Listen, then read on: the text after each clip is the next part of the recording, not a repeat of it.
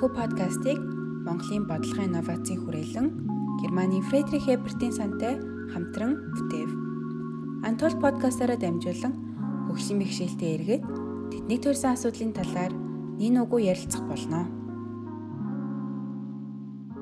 Сайн байцгаана уу эрхэм мөндөд сонсогчдоо Антол подкастын маань ээлж дугаар эхлэхэд бэлэн болоод байна.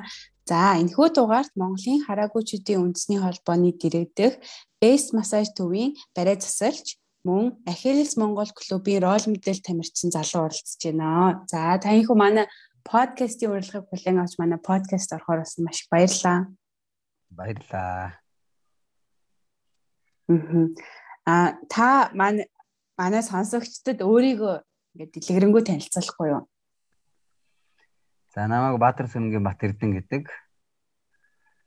За Монголоор гүчид үндэсний холбоонд 2012 оноос гишүүнээр хэлсэж ороод за 14 оноос бест массаж нэг төвд нь бариадсалж мэрэгжлэр тогтмол өдөө хүртэл ажиллаж байна. Та яагаад юу н бариа засалж ингээ мэрэгжлийг сонгоо тэгээд бест массаж төвд ингээд ажиллах болсон бэ? За миний хувьд яагаад энэ мэрэгжлийг сонгосон бэ гэвэл ер нь харааны бэрхшээлтэй иргэдэд төгөөмөл ер нь бас хийж чадах тийм мэрэгжил бол ер нь бариацлын мэрэгжил. За тэгээд нөгөө хүн хараагаа алтахаар мэдрэмж нь гартаа орчдөг энэ төргээд ярьдаг. Бас гарын мэдрэмж тодорхой хэмжээр хөгждөг. За тэгээд урд нь хүүхэд байхад ч гэсэн бас их бариул их гой гартаа хүүхэд энэ төргээд ярьдаг. Өвөө маань ч бас барьдаг байсан. Тэгээд ер нь энэ мэрэгжлэд хүүхэд байхдаа дургуул байсан л да. Тэгээд 2007 оноос энэ хараагаа алдчихад Тэгээд 2012 оноос Монголын арга гүйцэтгэлийн үндэсний албанд гишүүнээр хэлсэж ороод 13 оноос 14 оны хооронд альжаал талих бариадсал мэрэгжлэр 6 сарын курсэнд сурж төгсөөд 14 оноос хойш одоо Монголын арга гүйцэтгэлийн үндэсний албаны дэргэдэх бест массаж нэг төвдөө тогтмол ажиллаж байна да. Та тухайн үед яг анх хараагаа алдчихад тэгээд тухайн үед таны сэтгэл санаа юу нь ямар хөөсөн бэ? За яг хөө мэдээж э, тэр үед нэг 16 долоотоо яг өсвөр эд хөдөлгөөнтөө тийм үе байсан. За тэгээ мэдээж э, хардаг байж хараа алдчихаар ямар болог байх вэ тэгээд энэ 4 жил орчим гэртээ энэ байсан да. За тэгээд бас ээж аавыг бас нэг ээж их зовоосон тэгээд алийн болгон бас тий энэ хүний э, эцэг их илүү их зовдөг шүү дээ. Тийм болохоор эцэг одоо хичнээх зовоох уу гэж өөрөө би эцэг маш их зовоон жин даа гэж боддог л байсан л та. Тэгээд ер нь нэг араа дуу за тэгээд зурагт л их сонсно. Тэгээд араа дуугаар энэ арга гүйцэтгэлийн үндэсний холбоо гэж ийм холбоо байдаг гэд яригдчихсэн. Тэр үед нэвтрүүлэг тийм нэвтрүүлэг энэ төр бас гараад тэгжээ тэгжсэн шиг санаж байна. Тэгээд аа Батнауга гэд одоо манай Монгол арга гүйцэтгэлийн албаны тэргүүлэгч ерөнхийлөгчээр ажиллаж байсан хүний яриаг сонсоод за энэ холбоонд ер нь бас хэлсэж орё. Энүүнд ороод үнэхээр би бас нийгэмшээд нэг ажлын байртай болоод өөрийн гэсэн мэрэгжлээ олоод авах юм бол эцэг ихээ бас зовоох маань тий багасах юм болоо гэж бодсны үндсэн дээрээс 2010 оноос 10 онд 2012 онд яг холбоонд гишүүнээр хэлсэж ороод тэр цагаас хойш тэгээд өдөө хүртэл бас ажил мэрэгжил эзэмшээ тэрүүгээрээ ажил хийгээд ингээд явж байна да тухай та ингээд одоо холбоондоо нэгдээд ингээд хүмүүстэй нийгэмшээд ингээд нийгмийн харилцаанд ороод явхад юу нь ямар байсан бэ? За 2012 онд анх Монголын үндэсний албанд элсэж орчоод урлагийн наадам болно гэдэг тэр үед чинь нэг 4 жил болдгийн болдгоо байсан юм шиг байна. Тэр урлагийн наадамд нь бэлтжих хугацаанд нэг 6 цэг хатаг сурах гал тэр 6 цэг хатаг сураал ерөөдөө 100 өнгөрцөн. За тэгээ хавар нь 4 сарын компьютерийн сургалтанд урд нь нөхөн сэргээ сургалтын төв байсан. Нөхөн сэргээ сургалтынхаа төвд компьютерийн сургалтанд 4 сар сурж төгсөөд тэгээд ер нь компьютерга чиглэлээр бас ажлын бай тухайн үед баг байсан л да 2013 онд бол тэгээд би нөгөө анхлан суралцж байсан болохоор компьютер бас төдийлөн сайн сураагүй байх гэж боддог. Тэгээд энэ өөрийнхөө хэмжээнд л жаахан сурсан. Тиймээс одоо ажлын байран дээр гарах хэмжээнд бол сураагүй. За тэгээд ер нь бодож жагаад за илүү ер нь бас надад хэрэгтэй цаашдаа бас ажиллаад зорилгоо болгоо явуулчихаар юм юу байна гэд сургалтуудыг харж агаад за ер нь бариацлал их зүгээр юм байна гэд ажил талах бариацлаар 6 сар сураад тэгээд 2014 оноос сурч төгсчөөд 2014 оноос одоо Монгол Аргын үндэсний албаны бэс массаж нэг төвдөө одоо бариацлалчаар орсон байгаа.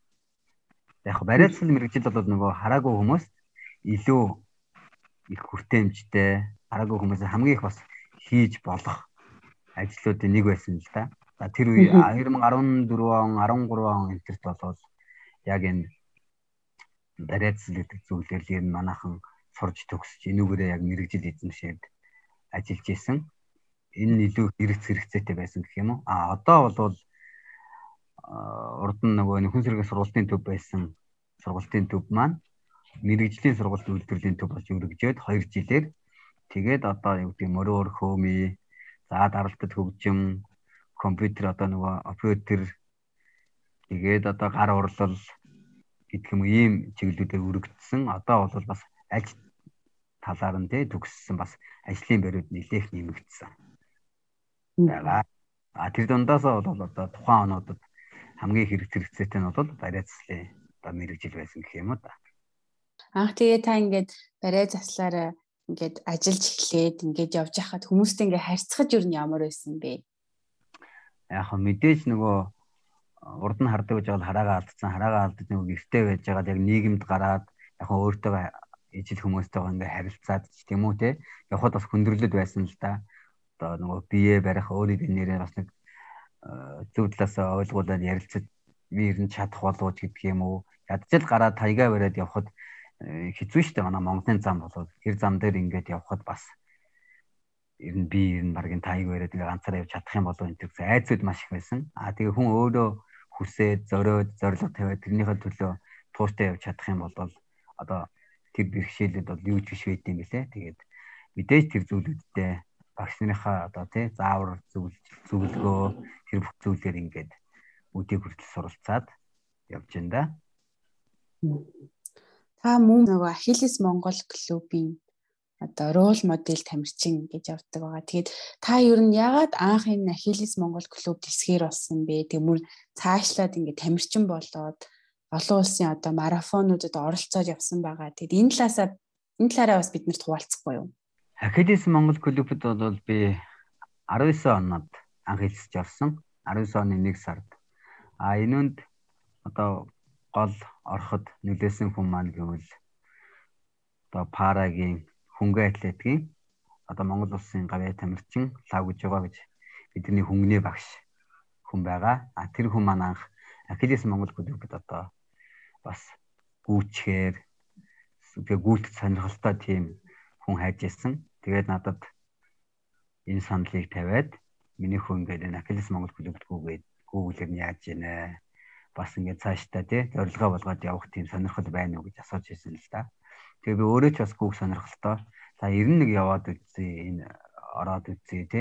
Өөрийгөө бас ажлынхаа хажуугаар бас нэг өөр юм дайчилж үзьегээд тэгэл 19 оноос хойш ороод одоо 21 он хүртэлгээс яг 3 жил ер нь бас хичээлсэн байх шүү.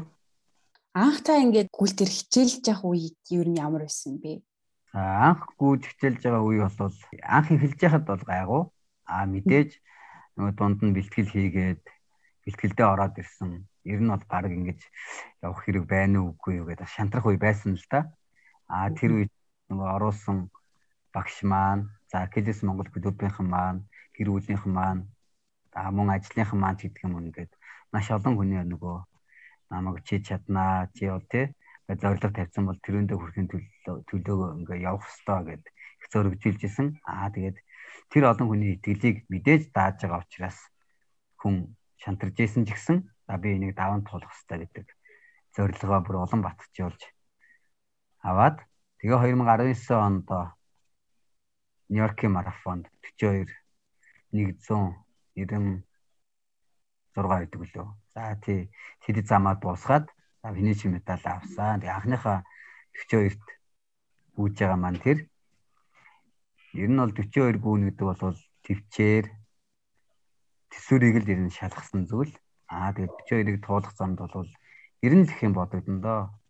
Тэгээд тэрийг ингээд дуусгасны дараах мэдрэмж гэдэг бол нэг үгээр илэрхийлэх аргагүй тийм сайхан мэдрэмж байсан. Тэгээд тэр цагаас хойш улам их хүүлтэд дурлаж сонирхож улам их дуртай болсон да. Тэмцээнд олон улсын тийм тэмцээнд орохын тулд маш их одоо ингээд бэлтгэл сургуульд хэрэгтэй шүү дээ тийм. Тэгээд та тихуан одоо бэлтгэлээ ерөнхийдөө яаж хийдэг байсан бэ? Аа манайх нөгөө мэрэгжлийн одоо тий дасгалжуулагч багштай. Аа тэгээ мэрэгжлийнхаа дасгалжуулагч багшийн заавар зөвлөгөөний дагуу одоо 7 хоногийн хөтөлбөр гаргана. Одоо юу гэдгийг нэг дэх өдөр одоо тий 40 минутын кросстай. За хоёр дахь өдөр нь жоохон темптэй хурдан гүйлттэй. За гурав дахь өдөр нь тий амралтын байдалтай. За дөрөв дэх өдөр нь давтан ч гэдэг юм уу тий. Тэгээд 7 хоногийнхоо нэг өдөр нь одоо холын кросстой ч гэдэг юм уу. За тэгээ иймэрхүү маягаар ингээ багшийнхаа яг заавар зөвлөгөөний дагуу ингээ явдаг. За тэгээд яг холын кросстой үедээ болвол ер нь бол бөөнөрөө хийн. Аа бос үедээ бол мэдээж нэг ажил төрөлтэй хүмүүс учраас өөрсдийнхөө зав зай тэр бүх юмыг ингээд тааруулаад тохируулаад байгаа байгаа газараа бас тэг гүйцхээр гүйчгээр аюулгүй ямар зам байна тэн дээрээ хийн. За миний хувьд бол заавал хүчтэйгээ хамт хийн. Тэгээ хүчтийнхээ ажлыг харна, өөрийнхөө ажлыг зохицуулна. Тэгээ хоёлаа яриад ер нь бол голцоо зэрэг түрээлэн дээрээ За мөн маршлын дугуун зам дээр ер нь төлхөө хийж энэ да бэлтгэлээ. Хөтөч тамирчин гэ таасаа ярьлаа. Тэг энэ хөтөч тамирчингийнхаа талаар та жоохон дэлгэрүүлж ярьж өгөхгүй юу? За хөтөч тамирчин маань гэдэг болохоор за миний хувьд бол нөгөө 100 харааны бэрхшээлтэй учраас намайг чиглүүлэх хүн хэрэгтэй. За тэгээд 42 км-ийг одоо даван туулахад тэр хүн одоо нэгдүгээр дүүрэн бол одоо юу гэдэг дүүрэн гэдээ ярихад би өөрийнхөө тэгж боддог. За нэгдүгээр дүрм нь бол намайг чиглүүлнэ. За хоёр дахь юм бол мэдээж одоо би гүйж байгаа. За тэгээд нөгөө усаа ядч одоо гүүгээ зогслоход одоо би авч чадахгүй шүү. Тэгэхээр усаа авч өгөх. За тэгээд сэтгэл санаагаар дэмжих те. За одоо хэдэн километр гүйжин тиймэрхүү зай үлдлээ. Одоо мэдээж би шантарж байгаа юм чинь. Тэгэхээр одоо тиймэрхүү зай үлдсэн байна. Одоо жоохон төвчээрээ биеийн нэр нь ямар хуу байна гэдэг юм уу.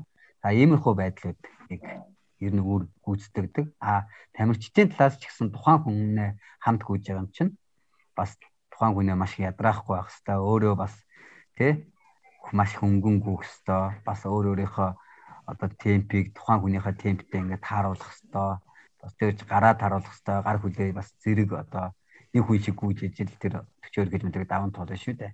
Тийм болохоор тэр зүйлүүдийг ингэж одоо хийж нэг хүн шиг одоо бэлтгэл хийхин тулд одоо бүтэн жил гаруй бэлтжээж одоо марафоныхоо тэмцээнд явдаг гэсэн. Тэгэхээр одоо баг тэр хөтөч тамирчин маань ингээ тантай яг ижилхэл тэр 42 км-ийг хамт таван туулна гэсэн үг үү? Аа тэгнэ гэсэн үг. Ер нь бол одоо тийм 40 км-ийг одоо нэг хүн шиг гүйж даван туулахын тулд бит хоёр одоо тий бүтэн одоо жилийн бэлтгэл хийдэг байна шүү дээ. Нэг 7-оос 8 сарын бэлтгэлийг бол хоёулаа байн хамт хийн.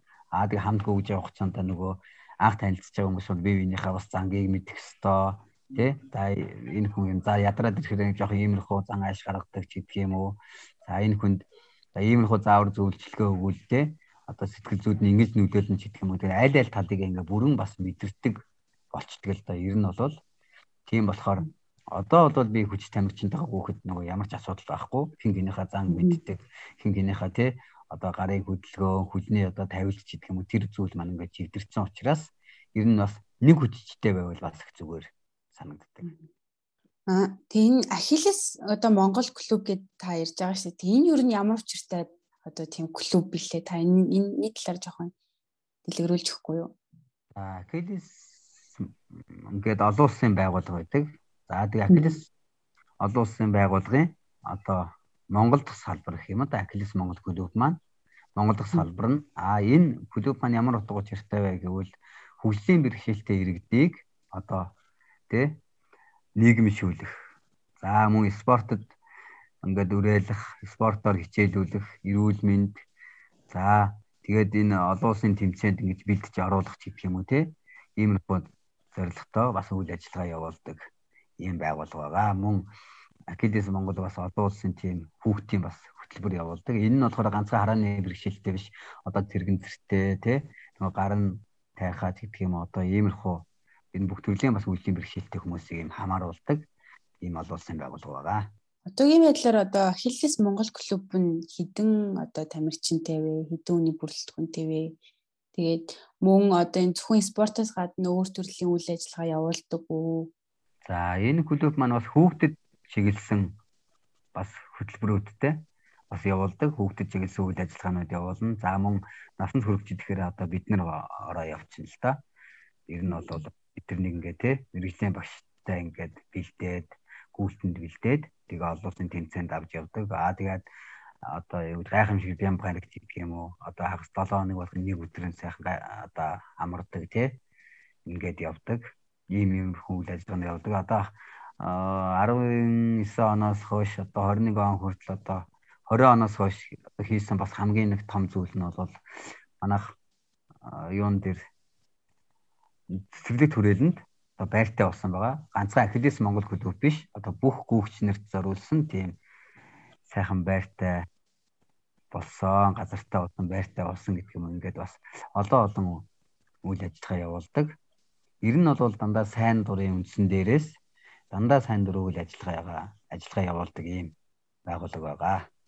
Тамирчидын хувьд гэх юм бол одоо ер нь бол нэг аа бодож яхад чинь 20 гаруй тамирчин байна уу? Тэгээд гайд майд бүгдээр нийлээд нэг 60 гаруй хүн байна. Аа бас би чи нөгөө бас шинэхэн ороо одоо нэг 3 жил болж байгаа. Тэрнээс өмнө бас байсан тамирчид энэ төр гээд би яг тодорхой одоо яг тоог нь бол сайн мэдэхгүй байна. А гэхдээ одоо миний мэдж байгаагаар бол ер нь 20 гаруй тамирчин нэг хүүхдч нийлээд нэг 60 гаруй хүн байна да. Таныг болохоор рол модель тамирчин гэж гэдгийгсэн тийм. Тэгэхээр энэ нь яг ямар учиртай юм бол? Энэ нь яг нэг Ахилес Монгол клубөд төлөөлж байгаа л аа одоо тэ тэр Акилес Монгол клубын нүүр царай болж одоо тэр бүх бэлтгэл сургуулилт тэ бид бүх зүйлийг хийгээд одоо гадаадын тэмцээн уралдаанд одоо мэдээж Монгол улсаа төлөөлөх Акилес Монгол клубээс орох гэдэг юм уу тэ тэр зүйлийг л одоо төлөөлсөн үг юм шиг байгаа. Та тэгээд 19 онд Нью-Йорк марафонд очиод оролцсон. Тэгээд 20 онд бас марафон болсон. Тэгээд тэр нь болохоор онлайнаар болсон гэдгийгсэн.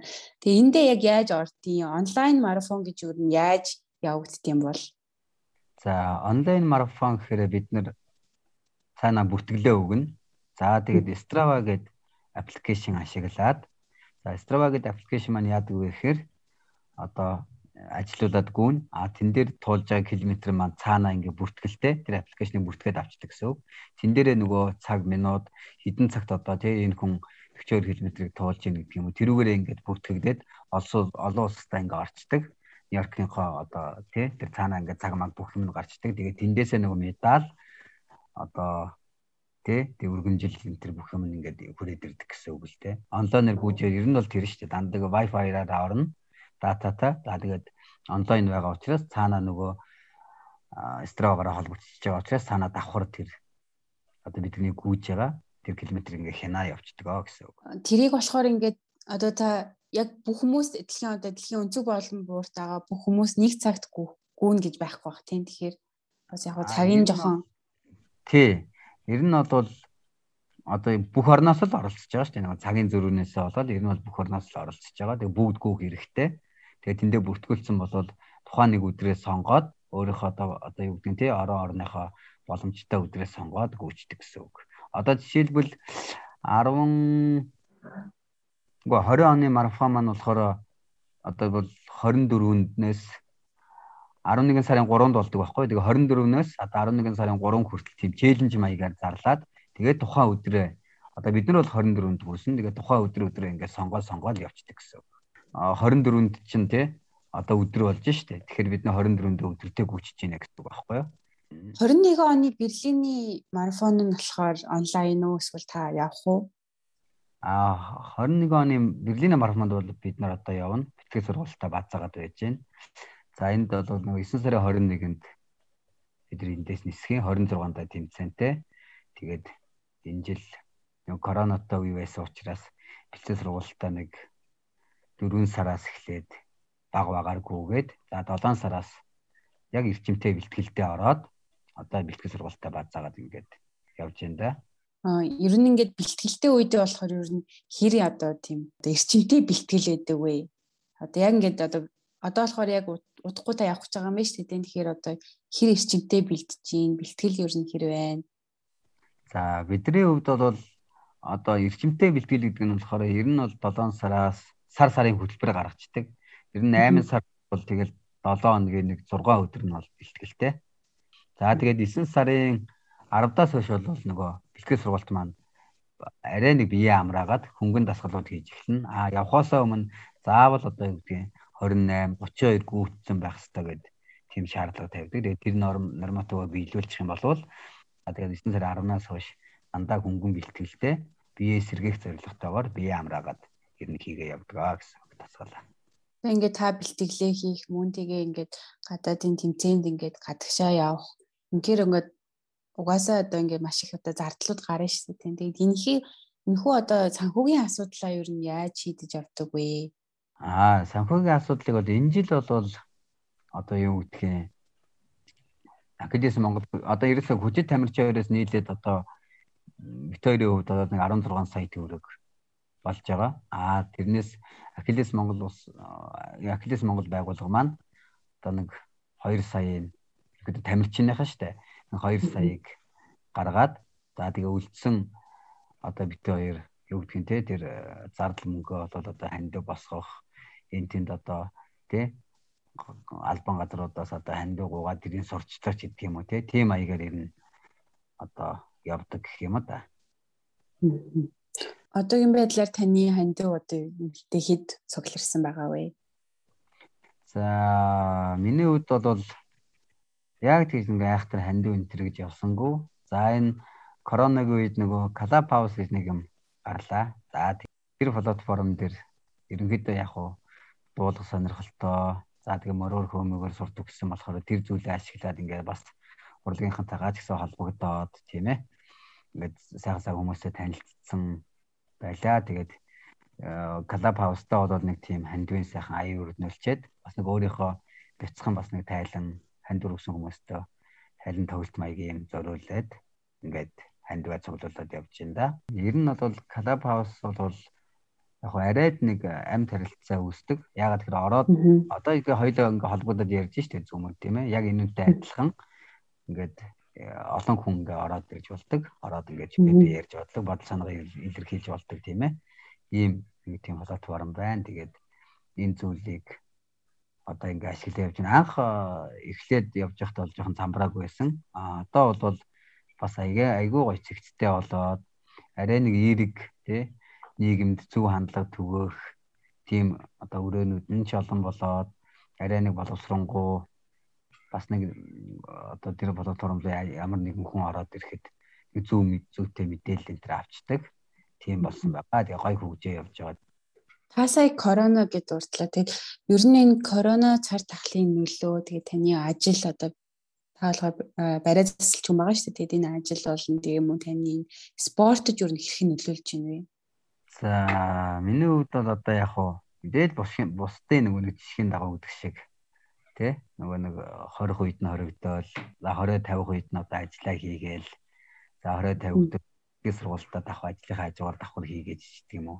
Ингээл явж байна те ер нь л бол бусдын нэг айдал мэдээж тэгэл ажиллахгүй үед бол одоо мэдээж тодорхой хэмжээний те бас нэг санхүүгийн асуудал энэ төр багасна. Аа мэдээж ажиллаа хийгээд ирэхээр ингээ нэг хэвээ нэгормондоо ороод игдрээ явна ч гэдэг юм уу. Таны иймэрхүү байдлаар бас л бусдын жишгээр л яваад өнгөрч байна дөө. Ингээ спортоор хичээллэхээр ингээд би сэтгэл одоо сэтгэл зүйн хувьд ингээд бас ингээд би чадахгүй юм байна ч юм уу ингээд нэг бууж өгмөр үе гардаг гэж ярьсан. Тэгээд ерөнхийдөө ингээд одоо та энэ спортоор хичээлснийхаа дараа ингээд таны бие бол сэтгэл зүйд юу ямар өөрчлөлт гарсан бэ? Тий, энэ бол маш гоё асуулт л та. Миний хувьд бол урд нь ер нь тийм сэтгэл зүгээ өдөртөх ч гэдэг юм уу тий одоо өөрийгөө чи энэ зүйлийг ялж чадна гэсэн итгэл би өөрийгөө ялцсан. Чи тий одоо харааны бэрхшээлтэй байж байгаа нийгэмд чадсан байна. Чи одоо бол ингээд ямар ч зүйл ингээд тий өмнө чинь тулгарсан чи ингээд аваад галж чадна гэсэн тийм одоо тий итгэлтэй байсан бол дахиад би энэ марафоноор хичээлээд энэ 42 км-ийг гүгээд дуусгасны дараа бол энэ зүйлээ чи яста болоогүй байсан юм байна гэж улам баттгаж авах. Цаашдаа дахиад ямар альва нэгэн тий тийм бэрхшээл тааруул тэрийг улам одоо тий сэтгэл зүгээ ингээ одоо хатаар давн туулах гэдэг юм уу тий тиймэрхүү зүйлүүд айгүйг сууж өгнө. Тэсвэр төвчээр тэгээд ер нь бол тэгээд бүүгээд ихэд их юм бодогдно бас их ухаажна л да. Хүн спортоор хичээлсэн хүн бол бас их ухааждаг гэж ярьдаг. Тийм болохоор маш их ухаан суун, маш их төсвөр төвчээртэй болно. Олон юмыг өнгөрөөд сурдаг болно ч гэдэг юм ингээд тийм зүйлүүд бас айгүй хүнд нөлөөлнө. Ялангуяа эрүүл мэндийн тал дээр бол бас айгүй сайн өөрчлөлтүүд гарнаа.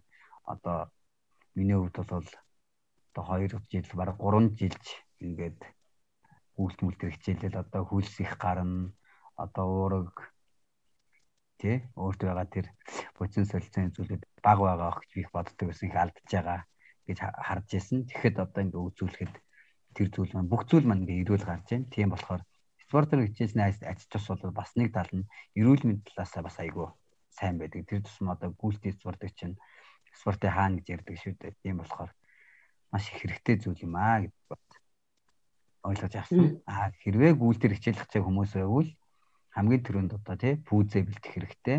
Аа тэгээд мэрэгжлийн багштай тэгээд зөв заавар зөвлөгөөтөө бэлтгэх юм бол одоо танд маш их ач тустай зүйлээ гэж хэлмээр байна бас.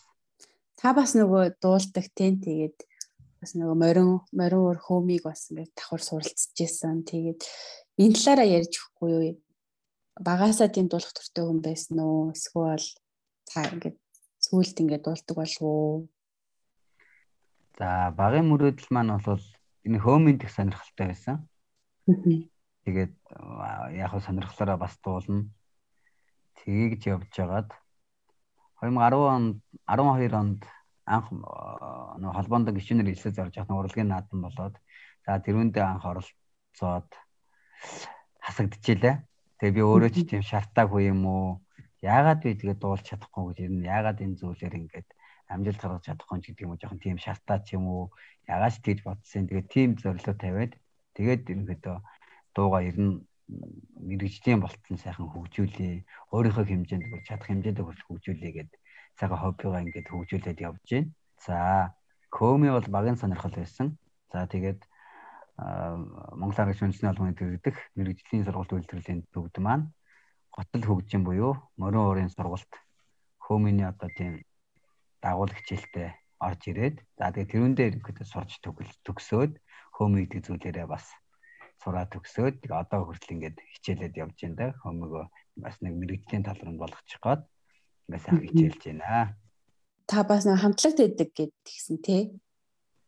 За тэр хамтлаг маань болохоор одоо хараагүй жидийн сургалт хөдөлмөр сургалт хөдөлмөрийн үйлдвэрийн төв гэж байдаг. За тэнд ерөнхийдөө төслийн хүрээнд одоо нэг хөөмийн дөрвөл, хуурын дөрвөл гэдэг ингээд тэгээд нийлээд нэг хамтлаг болох зорилготойгоор төслийн хүрээнд явж гин. Тэгээ энэ төсөл маань бас сайн хэрэгжээд цаашаа өргөжөөд энэ төр явах юм бол бид нэр бүр нэг тийм цогц хамтлаг болъё гэсэн зорилготой.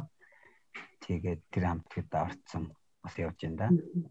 Та одоо ингээд урлагийн хувьд ингээд урлагт авьяастай тэгээд мөн одоо ингээд спортын хувьд хүртэл ингээд амжилт гаргаад ингээ явж байгаа ингээд надад болохоор аим мундаг санагдаж байгаа хгүй тэгээд танаас ингээд бүр ингээд эрт хүч аваад тэгээд чинь тэгээд таны хувьд цаашид юу юу хийхийг хүсдэг вэ? Таны тэг хүсэл мөрөөдөл юу вэ? За ер нь бол би ингэж боддог. Хүн ер нь залуу байгаа үедээ л хөдөлмөрлөх ёстой гэж боддог байхгүй юу? Хүн ер нь залуу байгаа үедээ юу хийж юу ер нь би хийж чадах юм? А хэрвээ хийж чадна гэдэг тэр зүйлийг бариад авсан бол эцсийн үзэх хэрэгтэй гэж боддог. За 91 50 нас хүрлээ. За би 50 нас хүрлээ гэж бодъё. А 50 наснаас хойш бас нэг хүн эрх чөлөөтэй дураараа баймаар шүү дээ тийм ээ. Залуу наснаа сайхан хөдөлмөрөөр өдлөөд залуу наснаа сайхан гоё амьдралыг зохицлон босгочоод бас нэг хөтөл насандаа хүн чинь бас тийм үстэй энэ сайхан уужим дэлхий байна. Энэ сайхан дэлхийг бас нэг төөрж аялах хэрэгтэй л дээ хүн чинь бас юм үзэх хэрэгтэй. А тийм болохын тулд хүн залуу наснда хөдөлмөрлөж, ер нь залуу наснда бас хөдөлмөрлснөөрөө хүн тэр амьдралын бас эргээд нэг харахад за би ч бас нэг ийм хийц шүү дээ гэд харамсахгүй шүү дээ тийм үстэй. Тэгж их боддог. Тийм болохоор би одоо хөсөл мөрөөдлийнхөө нэг жоохон хэсэгтэл явж гин гэж харж байгаа. Мэдээж яг тодорхой хэмжээний амжилт гаргаад ингээд явж байгаа ч гэсэн одоо болоогүй байна. А мэдээж хүн 100% одоо амжилт гаргах нэг бол байдгүй. Альваа зүйлд а ядаж 70-аас 80% амжилт гаргацсан байх юм бол би 50 нас хүрээд дэлхийгээр аялж явахдаа эргээд бодохтой бас нэг тий сэтгэл хангалуун байх юм шиг гэж боддоо шүү. Тийм болохоор 90 залуу хүмүүс бол залуу насндаа л одоо юу хийж чадхаар тэр зүйлдэл хөдөлмөрлөж сурах хэрэгтэй юм шиг санагдав. Тэгээд бас одоо ингээд хараад ахаар одоо хөгжлийн мишэлтэй иргэдийн зарим нь болохоор одоо ингээд нийгмээс нуугддаг ч юм уу эсвэл гэрийнх гараад яхын одоо миний хүү ч юм уу миний охин гэрте байж ч юм уу нэг тиймэрхүү бас нэг хандлагаас болоод нийгэмд нийгэмтэйгээ ингээд нэгдэж чадахгүй нийгэмшиж одоо ингээд нийгэмшгээс айдаг ч юм уу бэрхшээдэг тийм бас хүмүүс бас нэлээд ажиглагдсан. Та тийм хүмүүс ч юу гэж хэлэх вэ? За ер нь тийм хүмүүс бол нэлээд байгаа байгаа. Ялангуяа одоо хөдөө орон нутгаар бол нэлээд байгаа бах. За энэ тал дээр холбоо маань ч гэсэн бас нилээдгүү төлхөө анхаарч ажиллаад хөдөө орон нутагт байгаа залуучуудыг ажирч сургадаг тий тэдний нийгэмшүүлэх тал дээр нэлээд ажилладаг баг. Аа мэдээж нөгөө давхар бэрхшээлтэй гэдэг юм а бас нийгэмс чадахгүй тийм залуучуудыг авчираад нүхэн сэргээх сургууль зорилготойгоор бас бүх зүйлийг ингээд зааж өгөөд ингээд явж гин. Мэдээж 100% тэр хүмүүст хүрд ажиллаж яах бол бас худлаа. Аа нэг тий нэг 30 40 өвдөө бол ажиллаж байгаа байх мэдээж тэгээ үлдсэн үг нь бол тэгээд одоо юу гэдгийг зарим гайгүй нэг өөрөө би нэрээ ингэж байх гэжтэй гэдэг өөрөө зориод ирдэг хүмүүс ч байна. Бүүр одоо ирч чадахгүй байгаа хүмүүс ч байгаа. Хэрвээ одоо энүүгээр дамжуулаад тийм хүмүүс тийм ээ хэрвээ намайг сонсох юм бол сонсож байгаа бол та бүхэн өөрийгөө дайчил Монгол Аргичдын үндэсний холбоо гэж байдаг юм байна гэд энэ зүйлийг хэрвээ сонсож байгаад энэ зүйл рүү хандаад ир тийм ээ. Тэгэх юм бол одоо та танд маш их өөрчлөлт гарнаа За мөн хажууд нь байгаа эцэг эхэн ч юм уу ах トゥ ун ч юм уу тий сонсож байгаа бол Монгол арвчтай үндэсний холбоо гэж байдаг аа. За энэ зүйлдээ ирээд уулзаад ер нь манай нэг хүүхд ийм байгаамаа гэх. Тэрэнд бол эцэд зовх юм бол байхгүй. Бид нар бүгдээрээ л адилхан хүмүүс учраас сайхан зүйлүүдэд ярилцаад тэгж бодол санаагаа илэрхийлснээрээ одоо тэр одоо хүүхд өр хүүхдээ ч гэдэг юм уу тий хатуу хамаатан саднаа ч гэдэг юм уу бас нийгэмд хөтлөх, нийгэм шүүлэх тэр хүний одоо амьдралд нь цаашд нь тий өөрийгөө аваа явах тэр зүйлд зүйлийг одоо нээж өгч байгаа гэсэн үг шүү гэж бас хэлмээр байна. Таны бодлоор ерөнхийдөө одоо өнөөгийн Монголын нийгэм одоо хөгшин мэгшэлтэй хүн амьдрахад юу н хэр таатай гэж та боддог вэ? За одоо одоо амьдарж байгаа 21 он анх одоо юу гэдэг нь тий Монгол аргочтой холбоонд гишүүнээр хэлсээд орж ирсэн нийгэм хоёр бас харьцангуй ондоо л болсон байна л да одоо бол арай илүү нээлттэй бас нэг арай бодол санаагаа чөлөөтэй илэрхийлдэг болсон тийм цаг үе болж байгаа юм байна. А урд нь бол бүрэг байсан. А тэрнээс урдны жилүүд бол бүрэл бүрэг байсан баг. Би анх одоо 12 оноос хойш л одоо өдөө хүртэл 21 он хүртэлх хугацаагаа бол мэдх юм байна. За тэгэхэд бол нилээн бас нийгэм нь арай гайгүй болж байгаа гэж харж байгаа. А яг уу болохгүй юмнууд бол байгаа. Одоо юу гэдгийг замын асуудал асуудлууд байна. Одоо чөлөөтэй одоо хараагүй хүн дагаараа явхад одоо замын голд шин зоогоо ийцэн одоо тийм гэрлийн шонгод одоо маш их байна шүү дээ. Тэр чинь урталтаал нэг таяг барьж явж байгаа тулдаал төрж явж байгаа шүү. Одоо таяггүй явдвал очиод мөргөл тэр хүний толгойд ирэхэд ямар өлөг байх вэ? Байнга юм мөргээд байвал. Тэгэхээр одоо тийм тийм зүйлүүдээ бас анхаараа засаад а нэг үе бодоход бас гэрлэн тохионууд дээр бас яг дуудах тавигдаад гэлцсэн байна тийм ээ. Яг нэг үе бодоход бас арай л янз болж байна. А яг автобусны буудлын дээр хот хүмүүс ой хаан суух гэж байгаа яах гэж байгаа их их гэж байгаа гэдээ бас залуучууд маань тийм тийм хандлагатай болцсон байна. Үеийн мэтлээ иргэд хаан чамаагүй явж хахад бас нэг туслаад үгүй ингээд тгий гэдэг нь арай л нэг нээлттэй болж байгаа мó гэж хардаг. Урд нь бол мэдээж одоо явж хахад за ингээд явж илүү гэд хаяад явдаг хүмүүс ч бол байгаа л байх л да. Гэхдээ арай л нэг илүү нээлттэй болцсон, арай нэг чөлөөтэй болцсон юм болов уу гэж бодож энэ харж байна. Нийгмээ бас арай өөрчлөгдөж байгаа. Аа мэдээж гадны орнуудтай харьцуулахад бол манайх арай болоогүй байна. Бас аа мэдээж одоо юу гэдгийг Монголдо бас нэг арга үндэсний холбоо маань үйл ажиллагаа явуулж байгаа одоо тий хүчинд бас энэ залуучуудыг сургаад ганцхан барай гэлтгүү бас өөр зөндөө олон газруудад ийм ажлын байртай болгоод ингээ явж гин тэгээд бас сайхан сайхан залуучууд араас мэрэгжил боловсрол эзэмшээд гарч ирээд тий ажил ер нь бол хараатай хүмүүсийнхээ дунд ороод ингээд чөлөөтэй бас ажиллаад ингээд явж байна. Тэгээ нэг үеэ бодоход бол харьцангуй сайхан нийгэм ирж байгаа гэж залуу хүний хувьд бол харж байна. Хандлагын хувьд ер нь та сайжирсан гэж ярьж байна. Тэгээд энэ зөвхөн залуучуудын хандлага байна уу? Нийгмийн одоо нийгэм бүхлээрээ тийм хандлага байна уу? За яг хуу нийгмийг бол бүхлээр нь харах юм бол бас бага л да. Аа мэдээж яг хуу нэг шин залуу үе маань арай илүү үгтэй тий бод санаж байгаа гэдэг нээлттэй болчихсон гэдэг юм уу. Арай гайгүй байх шиг санагдаад байгаа юм. Ирнэ. Аа мэдээж одоо бүгдийг харлуулдаг л болчлаа л да. Одоо ер нь бол нөгөө сайхан талын ярихаасаа илүүтэйгээр одоо фэйсбүүк нэг шаардлагатай ертөнцид бол хар зүйл нь илүү хяналт авдаг болсон байна. Тэгэхээр би бол нэг тийм одоо хар зүйлийг л энэ харлуулж ярих айгуу дургу. Тийм болохоор нийгэм маань ер нь л э, ихэнх нь л бас тайхан болж байгаа гэж өөрийнхөө хувьд бас харж байгаа. Тийм болохоор тэрнээс илүү бас тий нэг 3 4 жил өнгөрөхөд илүү сайхан болох байх гэж бас бодож байна. Тэнд ямар нэгэн байдлаар одоо ингээд нийгмийн нийгэмд ингээ айгуу гомдсон ч юм уу ингээд эсвэл ингээд ялгуурлан гадуурхалд өссөн ч юм уу тэрнээсээ болоод ингээд сэтгэлийн шарх авчихсан ч юм уу тиймэрхүү үеуд бол байсан уу? Одоо миний хувьд бол нэг тийм айхтар юм бол байгаагүй. Ер нь яг нэг хэлэхэд бол яг мэдээж харж байгаад харахаа болсон гэртээ би нэг 4 жил байсан. Аа тэр үе бол жоохон хүнд байсан. Аа тэр үед одоо миний одоо хамгийн нэг бодож явдаг юм байт. Ер нь бас нөгөө нэг харахаа болоод эцэг эхээ нэлээд бас их зовоосон байх гэж боддог. Тэгээд тэр зүйлдээ л ер нь нэг жоохон ойлгоогүй ч байсан байх, жоохон эцэг эхээ зовоосон байх. Тэр зүйлээгээ эргүүл одоо нэг засах юмсан гэж ер нь бодож явдаг. Нэг тийм нэг юм байна. А тиймээс нийгэмд мэдээж гараад одоо яа мэдээж одоо хүн байгаа орчиндөө нэг цогцоод байгаа юмдаа нийцтэй амьдрах хэвээр. За би л хараагүй юмд нь хараагүй хөөн тий нийгмээс надад ийм одоо шахах дарамт ирлээ нийгэмд одоо тий за энэ намайг хүмүүс автобусны бодлоо зогсож байхад эднээс нь суулгаад өгчихгүй энэ хүмүүсийн буруу ч гэдэг юм уу. Бус хүмүүс рүү бас юм чихээд байх нь миний үед сүүлийн үед бол ингээ харж байхад хүн өөр өөрөө бас ямар байхаас шалтгаалж нийгэм яаж хүлээж авдаг юм хүл нийгэм хүлээж авдаг юм уу гэж бас сүүлийн үед их боддог болсон.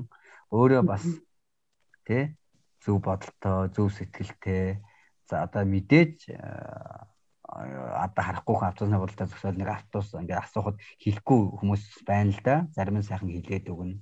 Энэ тэгээд яхан зовлон бол байна. Тэр үгдийг ингээ тооцоод авах юм бол одоо маш их зовлон байна. А гэхдээ тэр болгоныг бас тэдэл одоо юу гэх юм би л хараагүй учраас тэр болгоныг өөр дээр ингээл тусгаж хүлээж аваад энэ нийгмийг буруутгаад энд амьдарж байгаа бүх хүнийг буруутгаад байвал би өөр өөрийнхөө төлөө өөр өөр тий өөрийнхөө зорилгын төлөө зорж амьдарч байгаа болохоос хүний төлөө ч юм уу бусдын төлөө амьдраагүй шүү дээ. Тийм болохоор хүн өөр өөртөө бас дайчилгаатай өөр өөрийгөө тий хурцлсан хурцлсан тийм байх юм бол илүү их бас тий энэ нийгэмд амьдрч чадах илүү их нийгэмд бас нийгэмш чадах юм болов гэж миний хувьд бол боддог.